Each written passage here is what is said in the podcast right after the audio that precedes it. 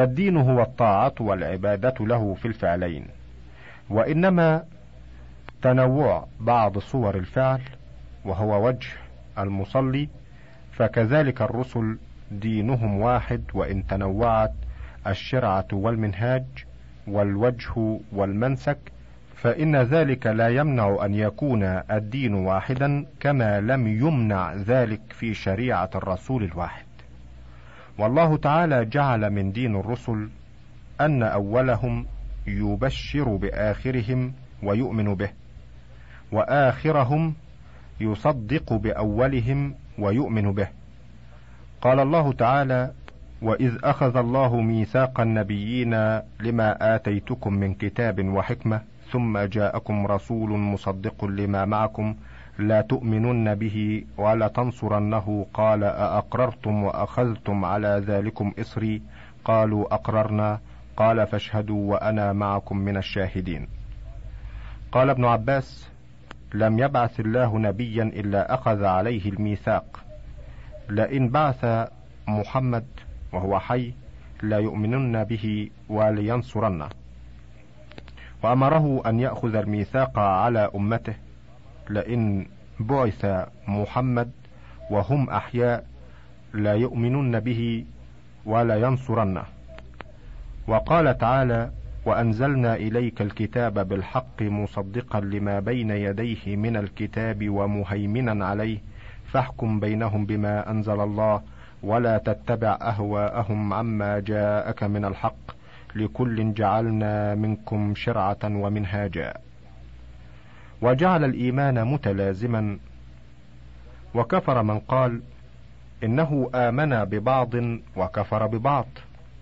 قال الله تعالى إن الذين يكفرون بالله ورسوله ويريدون أن يفرقوا بين الله ورسوله ويقولون نؤمن ببعض ونكفر ببعض ويريدون أن يتخذوا بين ذلك سبيلا أولئك هم الكافرون حقا. وقال تعالى أفتؤمنون ببعض الكتاب وتكفرون ببعض؟ فما جزاء من يفعل ذلك منكم إلا خزي في الحياة الدنيا ويوم القيامة يردون إلى أشد العذاب. إلى قوله تعملون.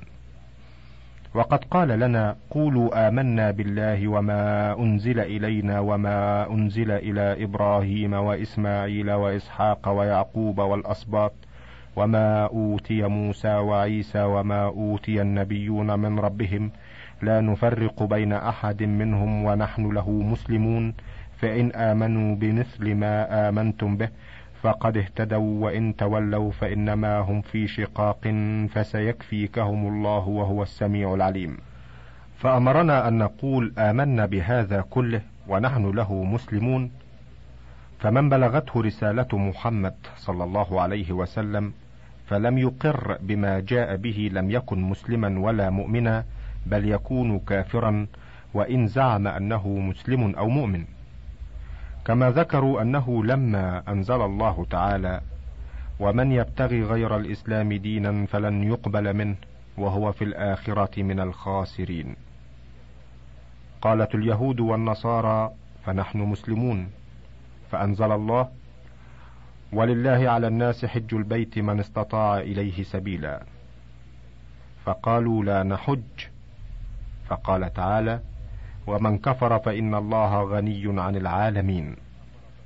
فإن الاستسلام لله لا يتم إلا بالإقرار بما له على عباده من حج البيت كما قال صلى الله عليه وسلم بني الإسلام على خمس شهادة أن لا إله إلا الله وأن محمدا رسول الله وإقام الصلاة وإيتاء الزكاة وصوم رمضان وحج البيت. ولهذا لما وقف النبي صلى الله عليه وسلم بعرفة أنزل الله تعالى اليوم أكملت لكم دينكم وأتممت عليكم نعمتي ورضيت لكم الإسلام دينا. وقد تنازع الناس في من تقدم من أمة موسى وعيسى هل هم مسلمون أم لا. وهو نزاع لفظي. فإن الإسلام الخاص الذي بعث الله به محمدا صلى الله عليه وسلم المتضمنة لشريعة القرآن ليس عليه إلا أمة محمد صلى الله عليه وسلم. والإسلام اليوم عند الإطلاق يتناول هذا. وأما الإسلام العام المتناول لكل شريعة بعث الله بها نبيا فإنه يتناول إسلام كل أمة متبعة لنبي من الأنبياء. ورأس الإسلام شهادة أن لا إله إلا الله وبها بعث جميع الرسل كما قال تعالى ولقد بعثنا في كل أمة رسولا أن اعبدوا الله واجتنبوا الطاغوت. وقال تعالى وما أرسلنا من قبلك من رسول إلا نوحي إليه أنه لا إله إلا أنا فاعبدون. وقال عن الخليل وإذ قال إبراهيم لأبيه وقومه إنني براء مما تعبدون إلا الذي فطرني فإنه سيهدين وجعلها كلمة باقية في عقبه لعلهم يرجعون. وقال تعالى عنه أفرأيتم ما كنتم تعبدون أنتم وآباؤكم الأقدمون؟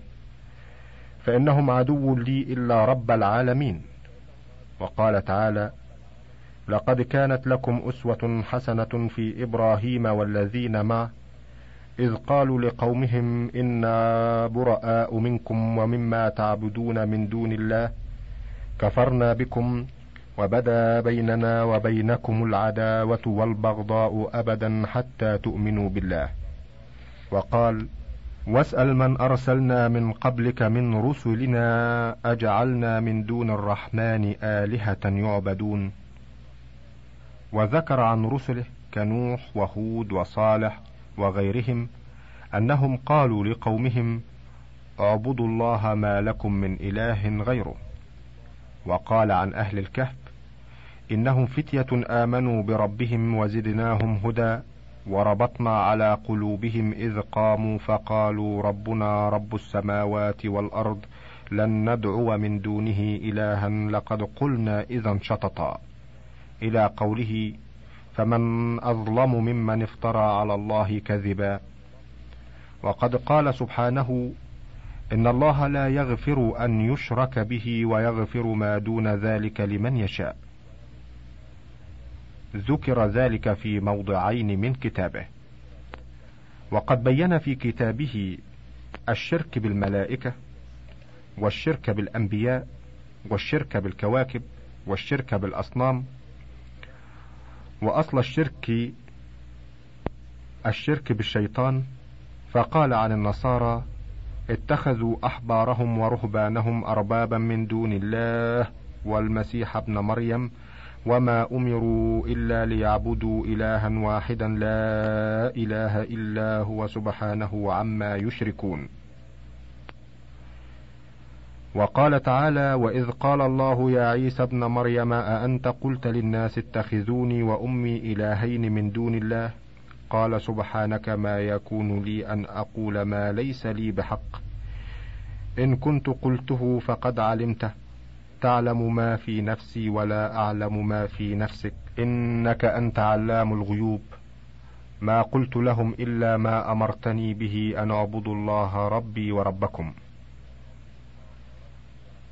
وقال تعالى وما كان لبشر أن يؤتيه الله الكتاب والحكم والنبوة ثم يقول للناس كونوا عبادا لي من دون الله إلى قوله ولا يأمركم أن تتخذوا الملائكة والنبيين أربابا أيأمركم بالكفر بعد إذ أنتم مسلمون فبين أن اتخاذ الملائكة والنبيين أربابا كفر. ومعلوم أن أحدا من الخلق لم يزعم أن الأنبياء والأحبار والرهبان والمسيح ابن مريم شاركوا الله في خلق السماوات والأرض. بل ولا زعم أحد من الناس أن العالم له صانعان متكافئان في الصفات والأفعال. بل ولا أثبت أحد من بني آدم إلها مساويا لله في جميع صفاته.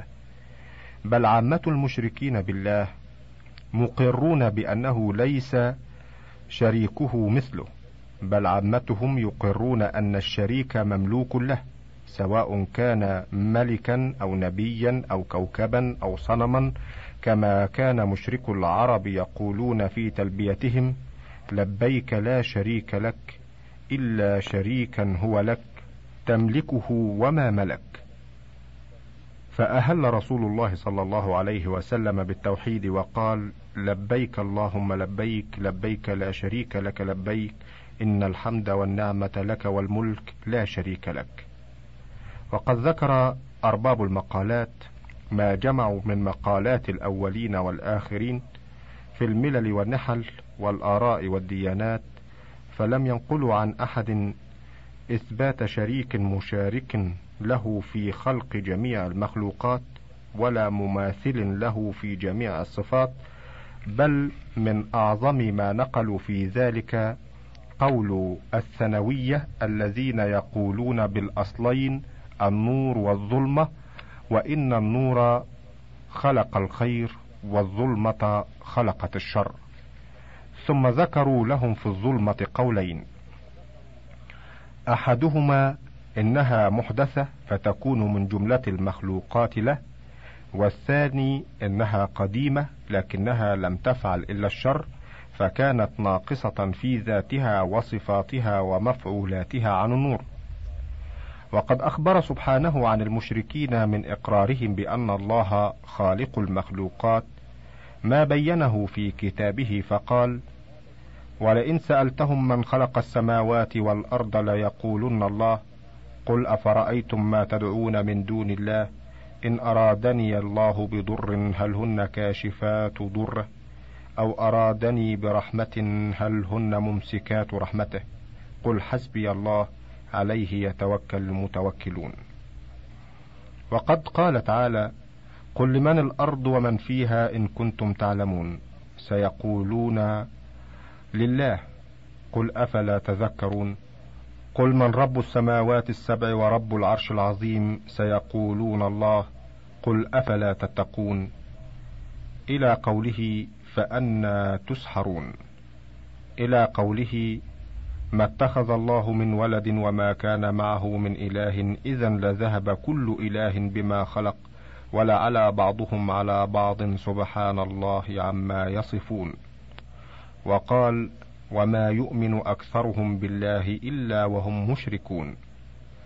وبهذا وغيره يعرف ما وقع من الغلط في مسمى التوحيد فان عامه المتكلمين الذين يقررون التوحيد في كتب الكلام والنظر غايتهم ان يجعلوا التوحيد ثلاثة انواع. فيقولون هو واحد في ذاته لا قسيم له وواحد في صفاته لا شبيه له وواحد في أفعاله لا شريك له.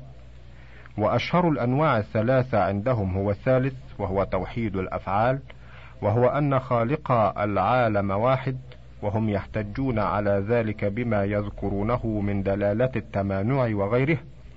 ويظنون أن هذا هو التوحيد المطلوب وأن هذا هو معنى قولنا لا إله إلا الله حتى قد يجعلوا معنى الإلهية القدرة على الاختراع. ومعلوم أن المشركين من العرب الذين بعث إليهم محمد صلى الله عليه وسلم اولا لم يكونوا يخالفونه في هذا بل كانوا يقرون بأن الله خالق كل شيء حتى إنهم كانوا يقرون بالقدر أيضا وهم مع هذا مشركون. فقد تبين أن ليس في العالم من ينازع في أصل هذا الشرك ولكن غاية ما يقال إن من الناس من جعل بعض الموجودات خلقا لغير الله كالقدرية وغيرهم لكن هؤلاء يقرون بأن الله خالق العباد وخالق قدرتهم وإن قالوا إنهم خلقوا أفعالهم. وكذلك أهل الفلسفة والطبع والنجوم الذين يجعلون أن بعض المخلوقات مبدعة لبعض الأمور هم مع الإقرار بالصانع يجعلون هذه الفاعلات مصنوعة مخلوقة لا يقولون إنها غنية عن الخالق مشاركة له في الخلق. فأما من أنكر الصانع فذاك جاحد معطل للصانع كالقول الذي أظهر فرعون.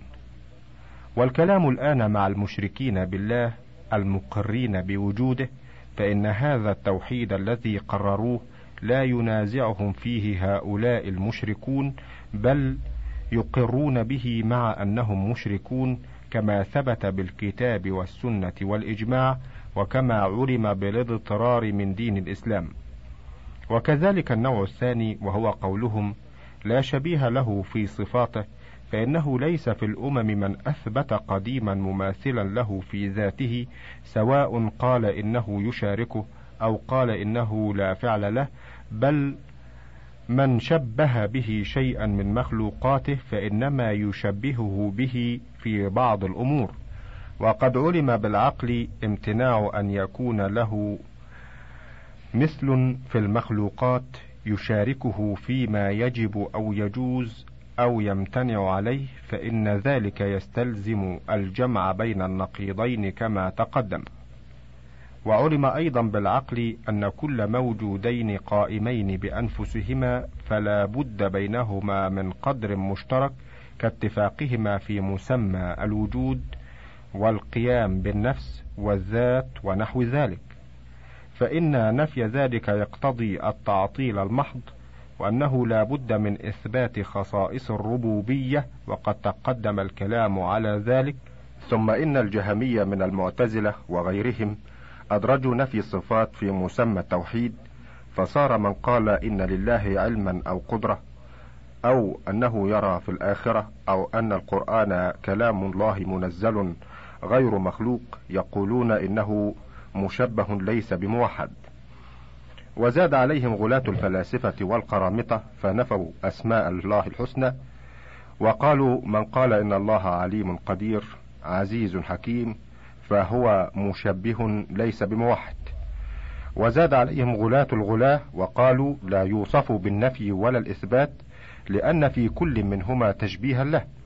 وهؤلاء كلهم وقعوا من جنس التشبيه فيما هو شر مما فروا منه فإنهم شبهوه بالممتنعات والمعدومات والجمادات فرارا من تشبيههم بزعمهم له بالأحياء. ومعلوم أن هذه الصفات الثابتة لله لا تثبت له على حد ما يثبت لمخلوق أصلا. وهو سبحانه وتعالى ليس كمثله شيء لا في ذاته ولا في صفاته ولا في أفعاله. فلا فرق بين إثبات الذات وإثبات الصفات فإذا لم يكن في إثبات الذات إثبات مماثلة للذوات لم يكن في إثبات الصفات إثبات مماثلة له في ذلك.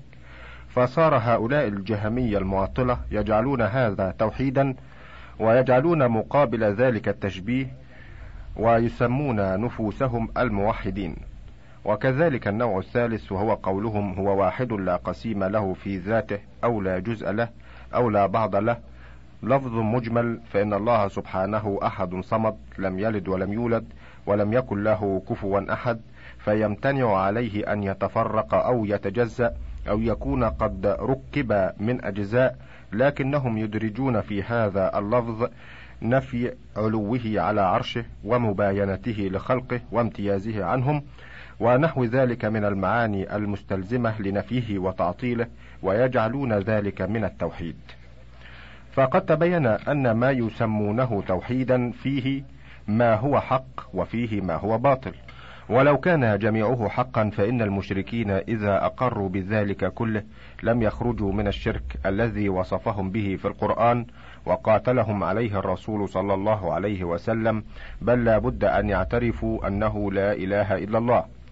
وليس المراد بالإله والقادر على الاختراع كما ظنه من ظنه من أئمة المتكلمين حيث ظن أن الإلهية هي القدرة على الاختراع دون غيره وأن من أقر بأن الله هو القادر على الاختراع دون غيره فقد شهد أن لا إله إلا هو. فإن المشركين كانوا يقرون بهذا وهم مشركون كما تقدم بيانه. بل الإله الحق هو الذي يستحق بأن يعبد. والتوحيد أن يعبد الله وحده لا شريك له والإشراك أن يجعل مع الله إلها آخر. وإذا تبين أن غاية ما يقرره هؤلاء النظار أهل الإثبات للقدر المنتسبون إلى السنة إنما هو توحيد الربوبية وأن الله رب كل شيء.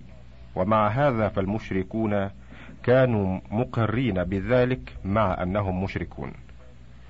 وكذلك طوائف من أهل التصوف والمنتسبين إلى المعرفة والتحقيق والتوحيد فإن غاية ما عندهم من التوحيد هو شهود هذا التوحيد وأن يشهد أن الله رب كل شيء ومليكه وخالقه لا سيما إذا غاب العارف بموجوده عن وجوده وبمشهوده عن شهوده. وبمعروفه عن معرفته ودخل في فناء توحيد الربوبية بحيث يفنى من لم يكن ويبقى من لم يزل فهذا عندهم هو الغاية التي لا غاية وراءه. ومعلوم أن هذا هو تحقيق ما أقر به المشركون من التوحيد. ولا يصير الرجل بمجرد هذا التوحيد مسلما فضلا عن أن يكون وليا لله أو من سادات الأولياء. وطائفة من أهل التصوف والمعرفة يقررون هذا التوحيد مع إثبات الصفات فينفون في توحيد الربوبية مع إثبات الخالق للعالم المباين لمخلوقاته وآخرون يضمون هذا إلى نفي الصفات فيدخلون في التعطيل مع هذا وهذا شر من حال كثير من المشركين. وكان جهم ينفي الصفات ويقول بالجبر فهذا تحقيق قولهم. لكن إذا أثبت الأمر والنهي والثواب والعقاب فارق المشركين من هذا الوجه لكن جهما ومن اتبعه يقول بالإرجاء فيضعف الأمر والنهي والثواب والعقاب. والنجارية والضرارية وغيرهم يقربون من جهم في مسائل القدر والإيمان مع مقاربتهم له أيضا في نفي الصفات. والكلابية والأشعرية خير من هؤلاء في باب الصفات فإنهم يثبتون لله الصفات العقلية وأئمتهم يثبتون الصفات الخبرية في الجملة كما فصلت أقوالهم في غير هذا الموضع. وأما في باب القدر ومسائل الأسماء والأحكام فأقوالهم متقاربة. والكلابية هم أتباع أبي محمد عبد الله بن سعيد بن كلاب الذي سلك الأشعري خطته وأصحاب ابن كلاب كالحارث المحاسبي وأبي العباس القلانسي ونحوهما خير من الأشعرية في هذا وهذا. فكلما كان الرجل إلى السلف والأئمة أقرب كان قوله أعلى وأفضل. والكرامية قولهم في الإيمان قول منكر لم يسبقهم إليه أحد حيث جعلوا الإيمان قول اللسان وإن كان مع عدم تصديق القلب. فيجعلون المنافق مؤمنا لكنه يخلد في النار فخالفوا الجماعة في الاسم دون الحكم. وأما في الصفات والقدر والوعيد فهم أشبه من أكثر طوائف الكلام التي في أقوالها مخالفة للسنة.